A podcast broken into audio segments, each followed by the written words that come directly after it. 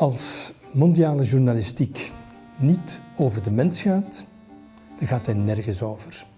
En daarom praat ik met Warda El Kadouri en Brigitte Hermans over de mens. We beginnen met een stukje dat ik knipte uit een reportage die Alma de Walsen voor Mo schreef vanuit Peru. Ik lees voor. Ik loop met Wilson over het dorpsplein. Het is donker en sterren schitteren in overvloed aan het firmament. Bij zo'n sterrenhemel maken de Aymara's wijwater.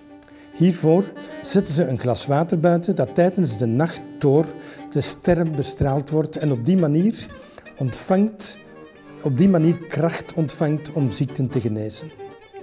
Wilson vraagt om te vertellen over het leven bij ons, hoe het landschap eruit ziet en welke munt we hebben, waarvan mensen leven en waarvan ze wakker liggen, wie de president is en wat globalisering precies betekent.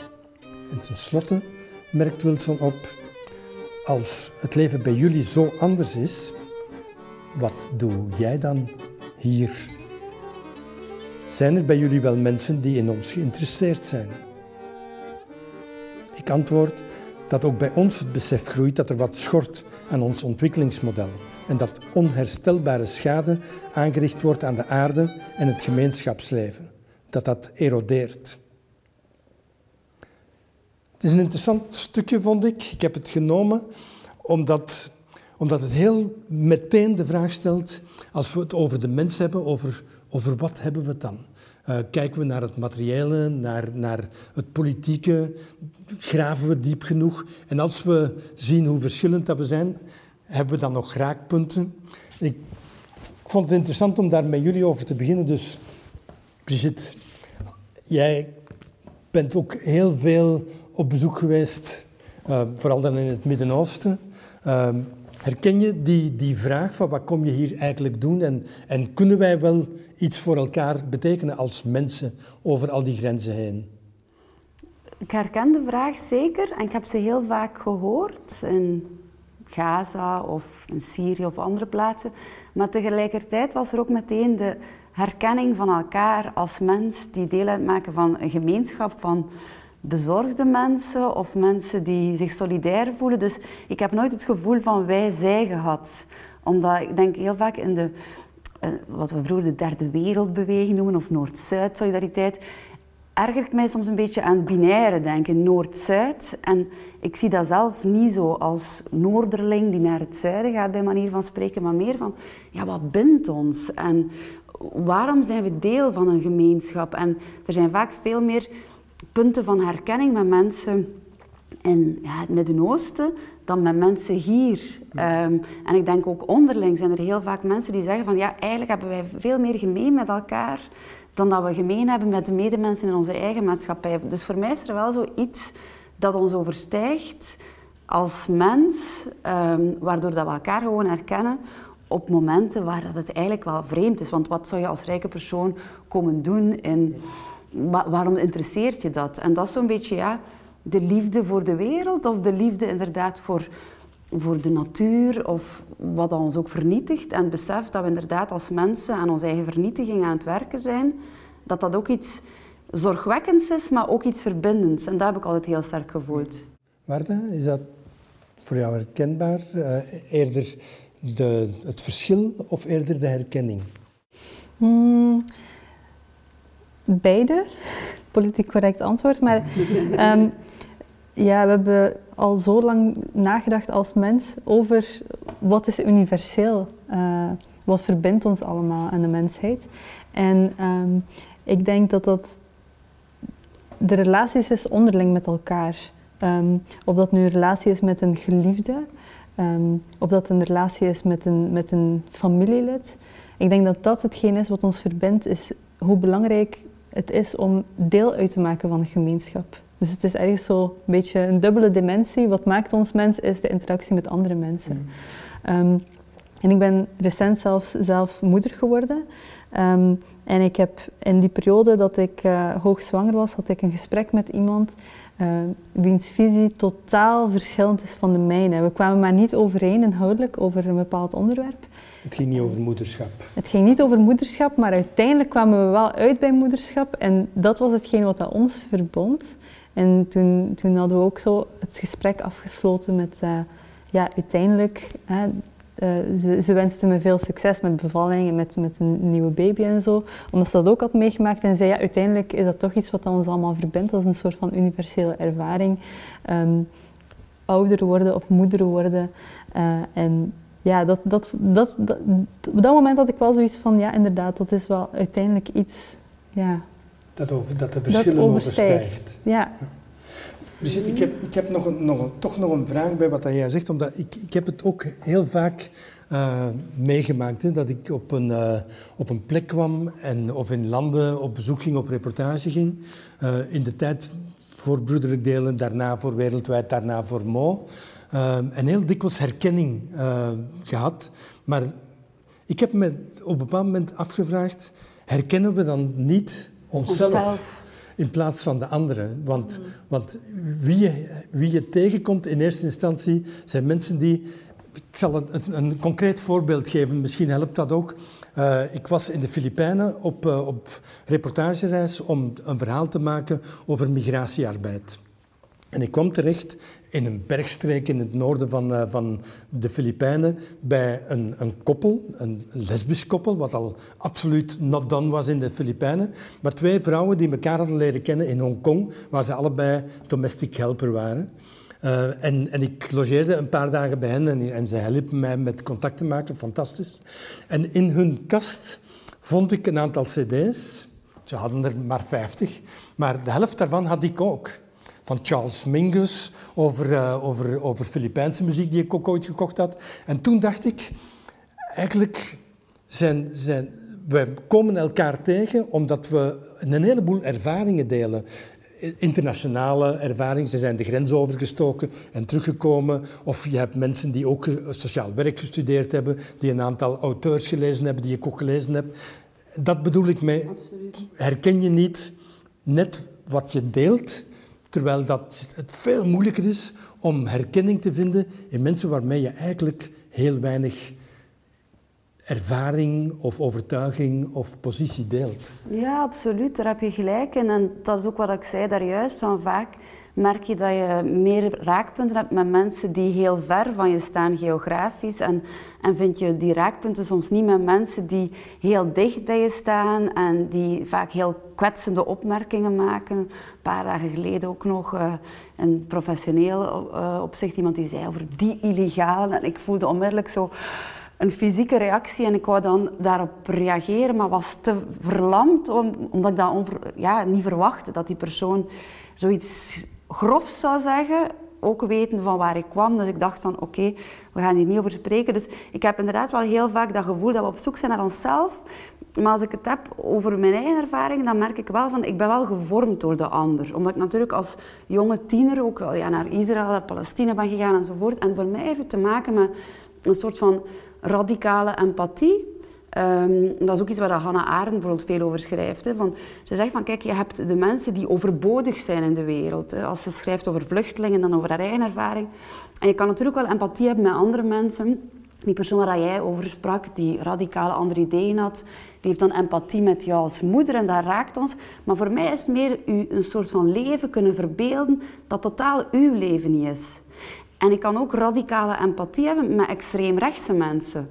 Um, waar ik dan in mijn leven vaak mee geconfronteerd ben, willens nillens. Dus voor mij heeft die radicale empathie, hebben we die allemaal, maar is dat gewoon soms heel moeilijk om die tevoorschijn te halen of om die op te roepen, omdat die ons ook wel verplicht om een stap naar de ander te zetten of een stap weg van ons eigen denken. En dat je dan die cognitieve dissonantie enzovoort hebt. Maar we zijn op zoek naar onszelf in de ander maar vaak kan de ander iets in onszelf oproepen of aanwakkeren wat we nog niet ontdekt hebben. En ik heb dat heel vaak, bijvoorbeeld in het dagelijks leven. Mijn man werkt bijvoorbeeld um, in een heel andere sector dan ik en heeft vaak heel andere ideeën over chemie, biologie, biologische bestrijding, chemische bestrijding. En ik vind dat vaak heel interessant om daarover te praten, ook al denk ik niet dat ik fundamenteel mijn mening zou aanpassen, wel mij in die oncomfortabele zone trekken. En ik denk dat we daar ook wel naar op zoek gaan als we ons echt kwetsbaar durven opstellen. Dus ehm, het is op zoek gaan naar onszelf, maar het is toch ook wel zien wat die ander ons kan geven als we ons willen openstellen. En dat gebeurt natuurlijk niet altijd zo vaak, want wanneer sta je je open? Als je het gevoel hebt dat je veilig bent. En als je onveilig bent, dan denk ik dat je heel vaak zoiets gaat hebben van ja, wat dat jij zegt, wil ik eigenlijk totaal verwerpen. Tenzij dat je in het persoonlijke aspect, de mens als mens en de moeder enzovoort. Maar dat is dan de gemakkelijkere empathie, denk ik, omdat je allemaal behoort tot moederschap, eh, dochterschap, eh, zoon enzovoort. Maar Ik wil even inhaken op die radicale empathie. Eh, ik, vind dat, ik vind dat een interessant concept, maar ik vraag me af wat gebeurt er als de radicale empathie niet wederzijds is. Want als je bijvoorbeeld zegt, ehm, ik kan eh, radicale empathie of begrip of wat dan ook tonen met iemand die uh, extreem rechtse ideologieën heeft, ehm, dat triggert mij dan omdat ik denk van, is dat bij mij ook zo? Want ehm, als persoon met een migratieachtergrond ben ik heel lang en nog steeds de ander. Ja. En kan ik dan begrip of empathie hebben voor een ander die mij verwerpt. Dus ik weet niet of, of, of ik die radicale empathie, uh, of dat dat onvoorwaardelijk is bij mij. Maar, maar misschien moet je, moet je zeggen van hoe, hoe beleef je het? Want het is geen... Allez, theoretisch kan je de vraag stellen, is dat mogelijk? Mm -hmm. Maar interessanter vind ik is om te vragen, hoe beleef jij dat? Uh, als je, want je wordt ongetwijfeld vaak geconfronteerd met mensen die jou als pas pro toto verwerpen. Die zeggen, jullie moeten terug en wat doe je hier en dat soort dingen mee. Dus hoe, hoe reageer je daar dan op? En, en, is er nog ruimte om de, de zender van die boodschap als mens te benaderen of te zien? Um, want, ja. want, hij of zij benadert jou niet als mens. En dat is wat je zelf ook zegt nu. Ja, en dat is, dat is dan heel moeilijk om... Uh, om daar op een, op een heel rationele manier mee om te gaan. Want het, uh, het zet je meteen in een. Het, het plaatst je meteen buiten een samenleving, het ontmenselijkt je. zegt zelf, ja, je wordt niet echt aangesproken als mens. Um, en dan is het heel moeilijk om um, op dezelfde voet verder te gaan in dat gesprek. Want de machtsverhouding is dan compleet anders. En dan, ik vind het zelf soms nog moeilijk om dan rationeel te reageren. Dus jij had het net over verlamming, over, over een soort van ja, boosheid. Die, dat is echt een heel fysieke reactie. Je voelt dat gewoon in je lichaam. Uh, van bloed die, die, naar je hoofd. Uh, je krijgt het er gewoon warm en koud van. Ja. En verlamming treedt dan op. En ik heb heel vaak in situaties uh, gestaan waarbij ik achteraf dacht van ik moest daar iets van gezegd hebben, ik moest dat gedaan hebben. Maar uiteindelijk, dat is gewoon echt moeilijk in het moment zelf. Maar en, en als je dan aan de andere kant, want, want niemand is alleen slachtoffer of dader, uh, ook niet in, in, de, soort, uh, in de zoektocht naar, naar hoe ga ik met de ander om of hoe kan ik die, die aanvoelen. Je hebt voor je doctoraat heb je gefocust op, uh, op Shiïtische auteurs uit Iran en, en Irak. Net, als ik het goed heb, net omdat je zelf vanuit een Soenitische achtergrond die wilde leren kennen. Ja. Heb, heb je dan het gevoel dat in, in dat conflict, wat, uh, wat voor de meeste Vlamingen, laten we zeggen, redelijk veraf ligt, maar waar je dan als moslim wat dichter bij betrokken bent, dat je dan die grens makkelijk overkomt en dat je welkom bent aan de andere kant van die virtuele grens? Uh, dat is grappig, want die, die, die tweedeling Sunni-Shiite, daar ben ik pas heel veel later achtergekomen. Um, want ik, ik beleef die tweedeling hier niet. Ik denk dat veel mensen die meer beleven in het Westen dan ja, of ja. niet-moslims dan dan moslims vaak het Midden-Oosten ja, ja, precies. Uh, dus ik, ik, ik kwam er pas op latere leeftijd achter en dat prikkelde net de nieuwsgierigheid van wat, wat is daar precies gebeurd, wat is er aan de hand, waarom bestaat die tweedeling, waar zitten de spanningen nu, wat is er zo verschillend tussen ons. En uh, ik had in die periode kreeg ik ook een collega die uh, Shiitisch was. En we vonden eigenlijk veel meer ja, gelijkenissen dan verschillen. Dus dat was uh, voor mij een soort. Het is dan zo een, een, een, verhaal, een soort mythe wat dan leeft en verspreid wordt. Um, maar misschien zit dat in mij. Ik ben altijd nieuwsgierig naar. Klopt dat dan wel? En wat zit daarachter? Dus dan ga je zelf onderzoek doen. Dus ik denk, die tweedeling in mijn onderzoek, dat was veel meer vanuit nieuwsgierigheid dan uh, vanuit empathie ja. of uh, iets anders. kan je dan zeggen, op, op basis van wat je nu net zegt, dat veel van wat wij als verschillen ervaren, en dan komen we terug bij Wilson, die zich afvraagt, wat doe je hier? Dat, dat, dat die verschillen misschien minder reëel zijn dan, dan we ze percipiëren of dan ze gemaakt worden. Of zijn verschillen tussen culturen, tussen mensen die arm en rijk zijn, tussen mannen en vrouwen. Hoe, hoe reëel en hoe groot zijn die verschillen tussen mensen?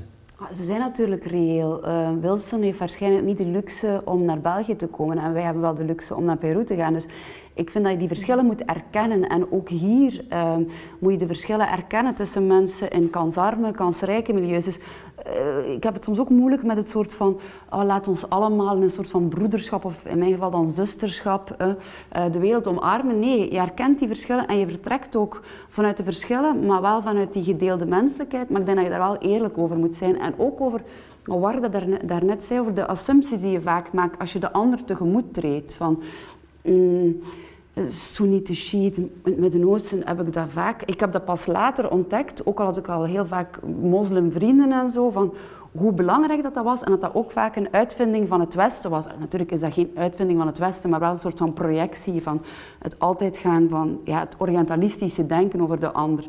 En dat orientalistisch denken of dat denken over de ander als een soort van uh, mysterieus of exotisch wezen. Ik denk dat we dat heel vaak doen. En niet alleen als het over de ander gaat die merkbaar verschillend is van ons, een andere kleur of een andere godsdienst of wat je ook wil, maar ook gewoon de ander die we niet kennen. En dat we heel vaak die, die vooroordelen um, altijd meenemen, maar de verschillen niet duidelijk durven benoemen. Dus voor mij zijn die verschillen wel reëel, maar je kan ze ook overstijgen en ook vaak met humor. Want ik heb heel vaak in het Midden-Oosten gereisd en mensen zeiden van...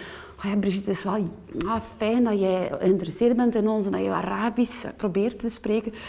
maar ja, zou je je toch een keer niet bekeren? En ik heb dat altijd heel duidelijk um, omarmd, die conversatie. Ook als ik van, nu beledig je mij. Want ik uh, ben zo vriendelijk om te doen alsof ik godsdienstig of gelovig ben, maar ik ben eigenlijk atheïstisch. Ik probeer dat te verbergen.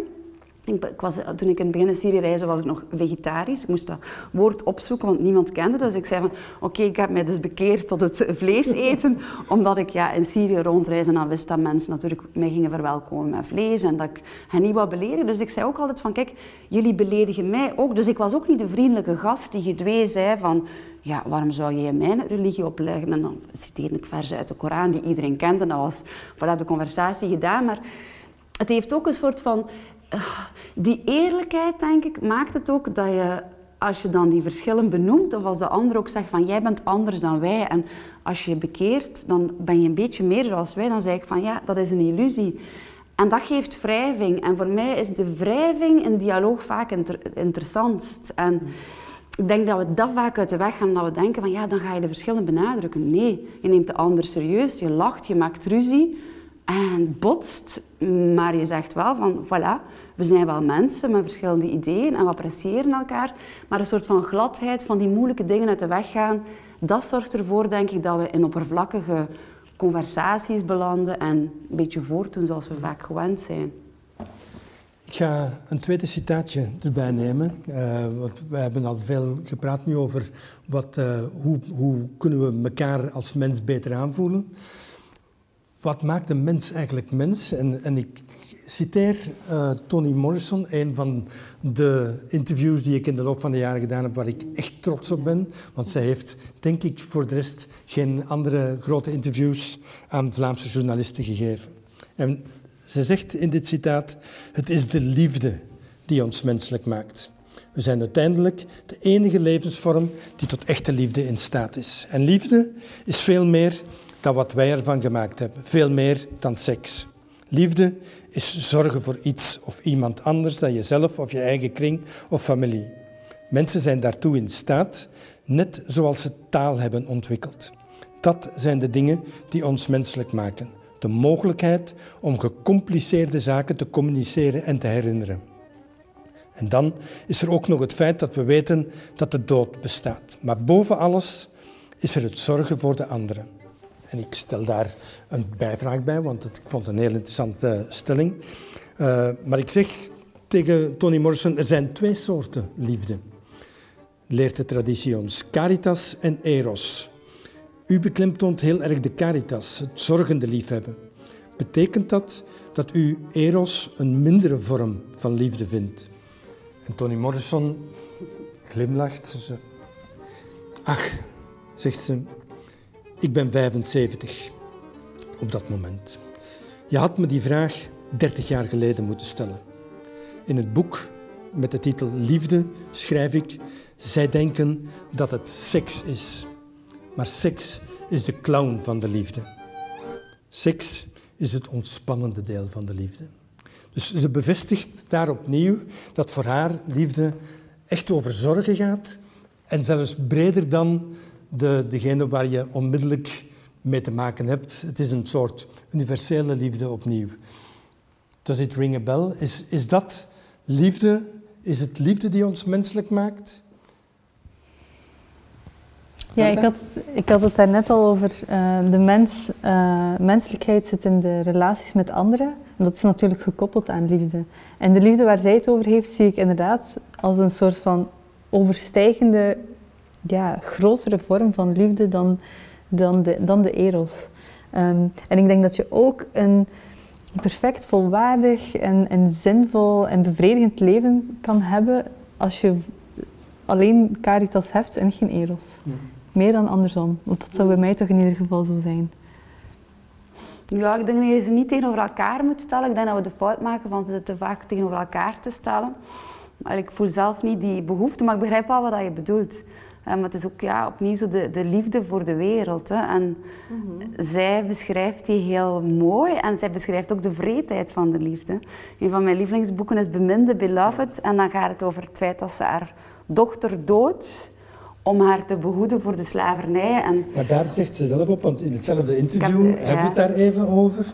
En ze zegt de, de moord mhm. op het kind beminde is een daad van liefde. Want het is een beschermende maatregel, bij wijze van spreken. Zij, het, het, boek gaat over de vrijheid van de slavenhandel, van het racisme in het zuiden van de Verenigde Staten. En zij wil niet dat haar dochter moet meemaken wat zij zelf en haar generatie heeft moeten doormaken. Dus eigenlijk, het is, het is wel doden, maar het is beschermen. Het is wel contra-intuïtief. Ik blijf dat moeilijk vinden. Ik heb zoveel over dat boek gelezen en ah, dat, boek achtervolgt mij echt. Ehm. en natuurlijk zie je dan ook parallellen in een soort van, absoluut niet in het Medusa-verhaal, maar meer in moderne verhalen van moeders die soms hun kinderen doden en in de media enzovoort. En dan denk ik van, je beslist wel nog altijd zelf over de zelfbeschikking van een ander. En dat blijf ik moeilijk vinden, maar ik volg volledig um, Seth in Beloved. Maar toch neem ik geen genoegen met de uitleg van Toni Morrison. Maar dat vind ik ook boeiend. dat is ook het boeiende aan haar schrijverschap. Van, dat hoeft niet zwart-wit te zijn, dat antwoord. Maar voor mij is dat geen echte daad van liefde, maar ik begrijp wel dat het is ingegeven door moederliefde. Ja. Maar voilà, dat is een afleiding. het, doet me, het doet me denken aan... Uh, ja, misschien heb ik uh, door mijn onderzoek naar Navid Kermani heb ik ook uh, onderzoek gedaan naar zijn werk over The Terror of God. Hij heeft ja. een heel boek over uh, het godsbeeld geschreven. Eerst een boek over de liefde van God en dan The, Terror of God. En hij, dit, dit boek van Toni Morrison, die relatie tussen moeder en kind, is bijna metaforisch met Kermani in het achterhoofd als de relatie tussen God en de mens.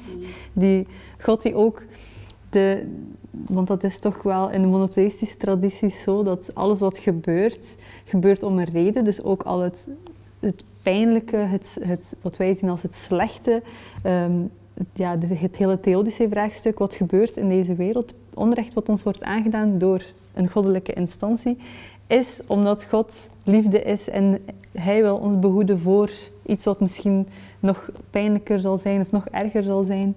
Uh, en dat beschrijft Kermani heel goed en dat herken ik een beetje terug in dat, uh, in dat werk van Toni Morrison. Ja.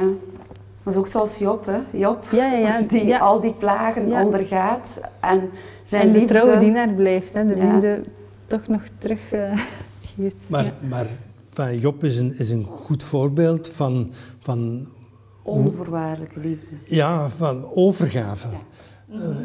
ik heb zelf altijd moeite om, om dat boek te lezen. Enfin, altijd gehad. Ik, het is lang geleden dat ik het uh, teruggelezen heb, omdat ik denk...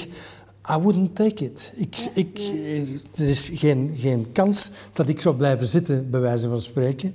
En, en, en als je dat doortrekt naar vandaag... Uh, en je gaat naar Moria kijken en, en die 13.000 mensen die, voor, die, die niets hadden. En ook dat is afgebrand. Uh, ik bedoel, je gaat toch die mensen niet vragen om, om te aanvaarden dat dat een bestemming heeft, dat dat een, een soort, dat dat voor hun eigen goed is. Dat is, mhm. dat is kwaad in de pure vorm, of niet?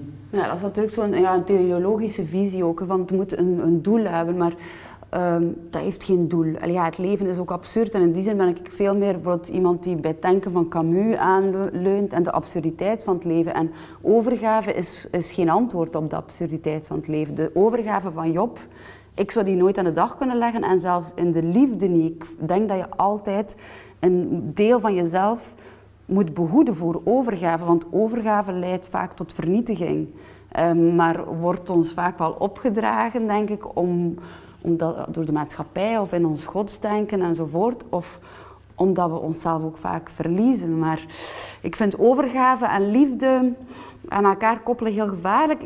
Bijvoorbeeld ehm, eerder het, het niet angstig zijn om te verliezen, dat vind ik al mooier. Dus dat je wel kan overgeven als het ware in een gevoel van ik heb lief, maar wat ik lief heb kan ik ook verliezen. Dat, is, dat vind ik interessanter dan overgave. Mhm. Dat is opnieuw kwetsbaarheid.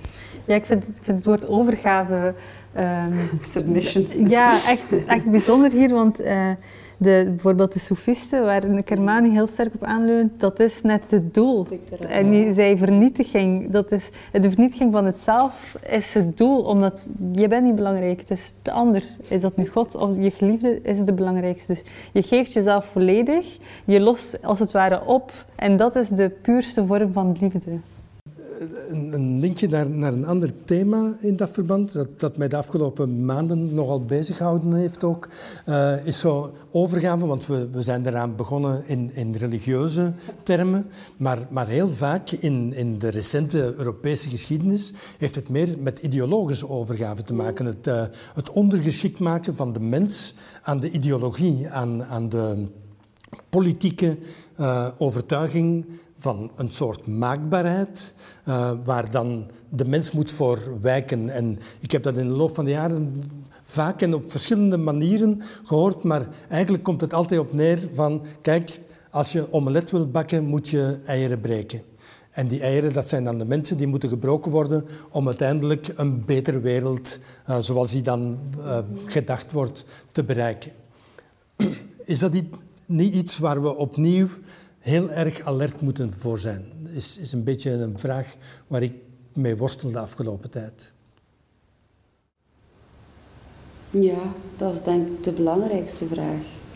Ja, inderdaad. En van, hoe kan je mensen eh, behoeden in, voor dat instrumentalistische denken, wat eigenlijk ja, ons gewoon vernietigt als mensheid. Maar het is gewoon denk ik heel moeilijk omdat je een soort van eenzaamheid wel hebt. En, ik denk dat bijvoorbeeld, ja, Warda gaf nu het voor van ons drie, als je je inbedt eh, op verschillende manieren in een soort van maatschappelijk weefsel, dan voel je die eenzaamheid niet. Natuurlijk voel ik wel de eenzaamheid zoals elk mens, als je bent diep van binnen alleen, totaal alleen, um, en mensen eh, ervaren dat anders.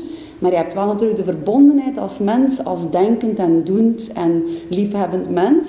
Maar ik denk dat veel mensen inderdaad echt wel heel eenzaam zijn en uitgestoten uit een soort van structuur die er vroeger met de, verzuiling, met de verzuiling wel was. Maar dan denk ik van, goh, dat is een gemakkelijke manier om daarover te denken. Dat het misschien makkelijker was als er al structuren waren waar we ons konden inbedden. Maar je hebt wel gelijk dat je inderdaad zo'n soort van dat denken over de deplorables, wat dat Clinton dan gebruikt. En dan denk je van, ja, dat is vreselijk om zo over mensen te spreken, maar we doen het ook vaak zelf wel. Om inderdaad over deplorables of ellendigen enzovoort te spreken. Ook vaak met over mensen met wie dat wij het dan niet eens zijn. Dus ik zie het niet alleen gebeuren bij de ander en de hyper-neoliberalen en uh, de Bolsonaro's en anderen, maar ook soms bij onszelf. Dat we de neiging hebben om te zeggen van, ga ja, die anderen die zijn het eigenlijk niet waard om tot onze gemeenschap te behoren. En dus dat, dat denken, je hebt natuurlijk meer over ja, die, de ja, ik, ik, schade aan milieu en mensen. Ja, ik, ik zoek vooral, uh, of ik merk, ik zal het zo zeggen, ik merk vooral dat er binnen de polarisering die plaatsvindt, dat er ook een verharding plaatsvindt, waarbij inderdaad de tegenstander ontmenselijkt wordt en, en die dus vanaf dan niet meer belangrijk is om in de, in de rekening gebracht te worden. En, en dat begint met diegene die makkelijk te ontmenselijken valt. Hè.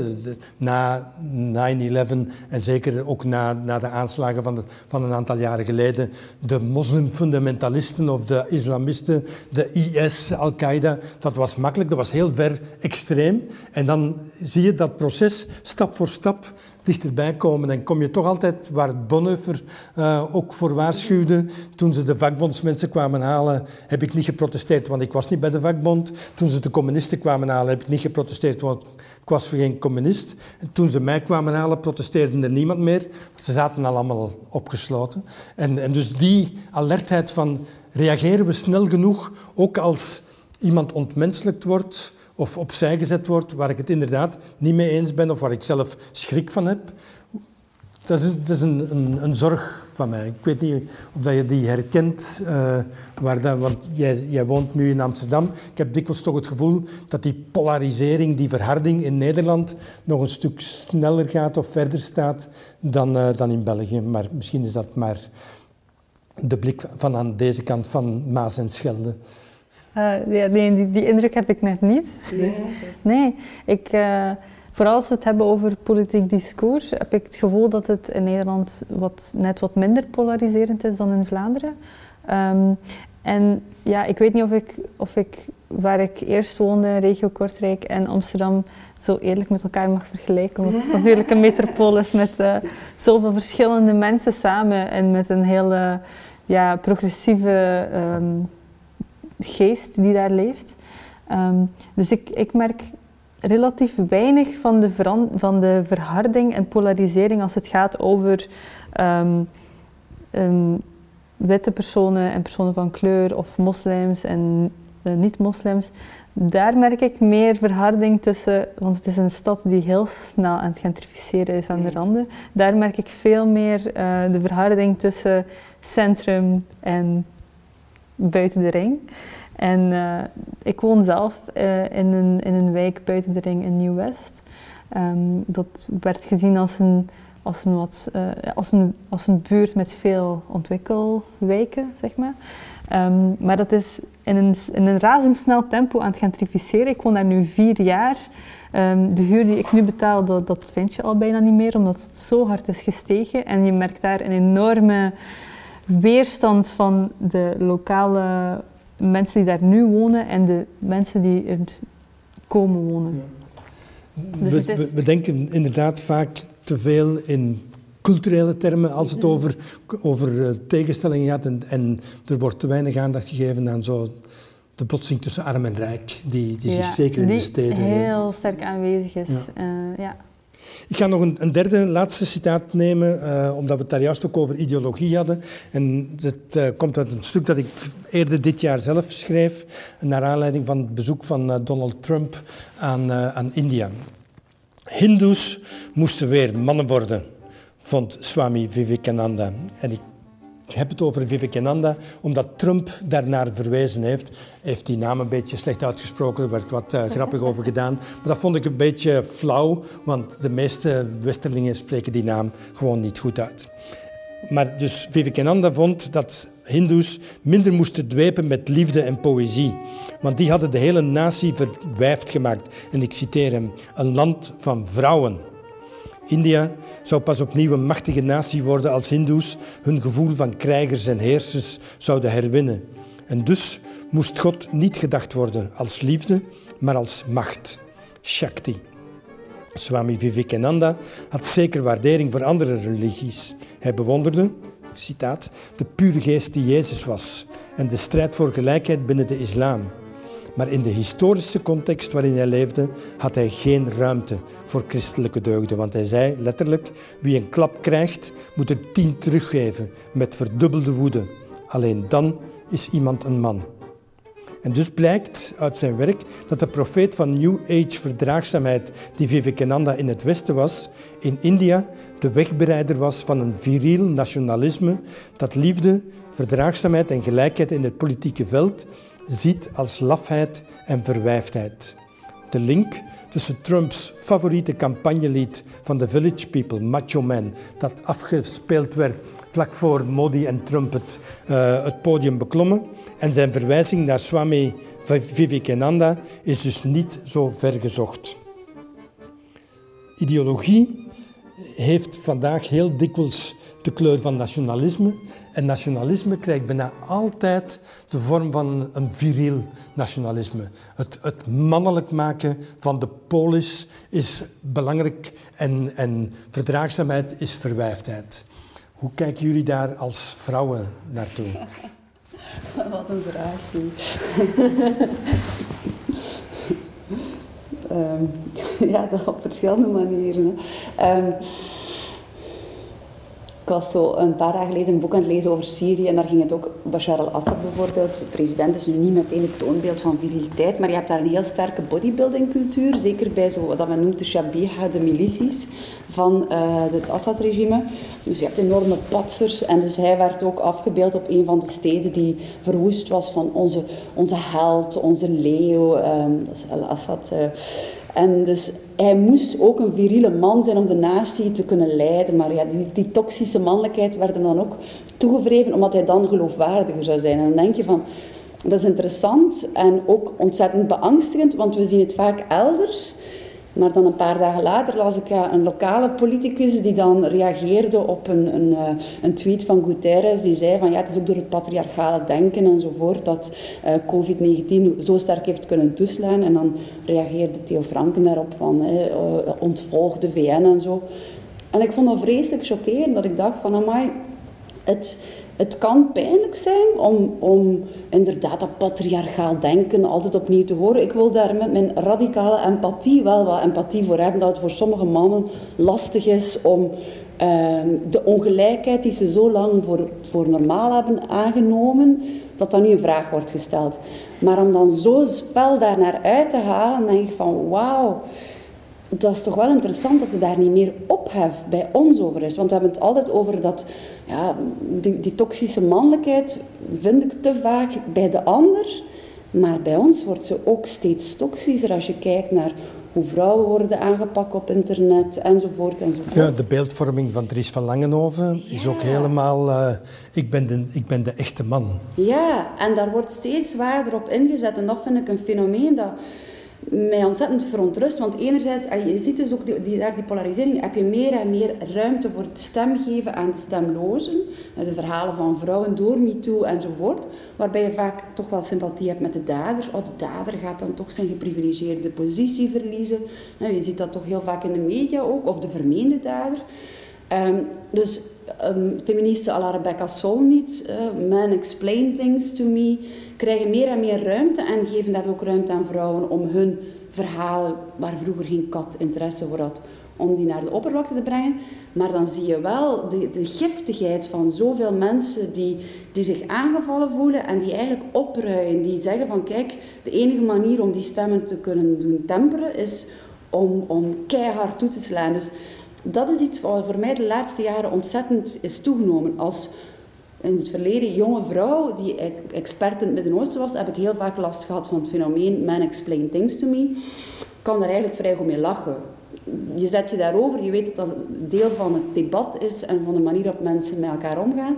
Maar het fenomeen van die toxische mannelijkheid is voor mij de afgelopen jaren wel heel, heel sterk uh, toegenomen. En ik vind dat er iets te weinig ja, ophef over is in onze maatschappij.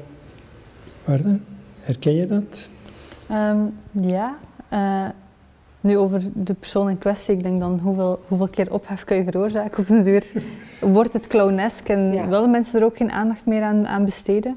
Um, maar ik zie zo, ik, ik zie zo'n twee, twee evoluties. Uh, aan de ene kant heb je um, steeds meer uh, in vraag stellen van, van dat toxische masculiniteit en patriarchaat en binaire genderdenken. Dus daar maken we enorme grote stappen in. En anderzijds heb je de, de, de heropleving van dat, van, van dat machisme, um, van dat viriel nationalisme wat, wat gekoppeld is daaraan. Ik vind dat een heel schizofrene, schizofrene evolutie die we, die we meemaken. En ik weet zelf ook niet zo goed wat de oorzaak daarvan is, of hoe we daar zelf op moeten reageren. Mm -hmm. als je, ik denk dat, dat je heel vaak ziet dat uh, vanuit sterk nationalistische hoek wordt die, die vooruitgang die jij benoemt in, in hoe we denken over gender enzovoort. Wordt als achteruitgang gezien. Dat, dat, wordt als achteruitgang gezien en, en dat is ook de trigger om daarop te gaan reageren. Mhm. En daar is ook een, een publiek voor. Ja. Maar waar komt die angst vandaan? Want het, is, het komt echt, de, de trigger is, is volgens mij echt angst. Waar zijn ze bang voor? Verandering, voor het opgeven van privileges. Als je dat kijkt, wat, ik, wat ik heel interessant vind, gekoppeld aan dat viriel nationalisme, is ook het afwijzen van multilateralisme. Mhm. Nu, vorige week, het internationaal strafhof, eh, Ben Souda, wordt de toegang tot de VS ontzegd. Een paar jaar geleden, als je mij dat had gezegd, had ik gezegd, allee, Zwans niet. Allee, dat kan niet. We mhm. hebben nu eenmaal een internationale rechtsorde. En voor mij, dat is super naïef, weet maar was dat een soort van lineariteit. Allee, ik mhm. ben opgegroeid met Bosnië, Herzegovina, Ehm, voor mij was er een lineariteit en nu opeens moet ik zo als persoon vaststellen, hoe, hoe, naïef kon je zijn? Er is helemaal geen lineariteit. En voor dat soort viriele nationalisten is het internationaal strafhof en het Europees Hof van de Rechten van de Mens. Een paar geleden een paar ministers bij ons ook, of één minister die dan zegt, oh, het verbod op onverdoofd slachten, sorry, uh, rechterlijke macht. dan denk ik van, wauw, eh, die persoon was dan geen viril nationalist, maar het gaat wel vaak gekoppeld met elkaar. Van dat afwijzen van uh, opgeven van soevereiniteit. Mhm. En voor mij is dat de, de, angst voor verandering en zelfbeschikkingsrechten. Een vals idee van zelfbeschikking. Komen we daar toch ook niet met de vraag die jij stelt van, van, van wie of van wat heeft men angst? Toch opnieuw bij, bij het uitgangspunt hebben we niet angst van de ander mhm. en van het van wat hem of haar anders maakt. En, en we, willen, we willen dat dan stollen in duidelijke rollen, ja. uh, zodanig dat we kunnen weten van oké, zo zit de wereld in elkaar. En als, als alles vloeibaar wordt, verliezen we de greep op de wereld, op elkaar en dus ook op mijn eigen positie.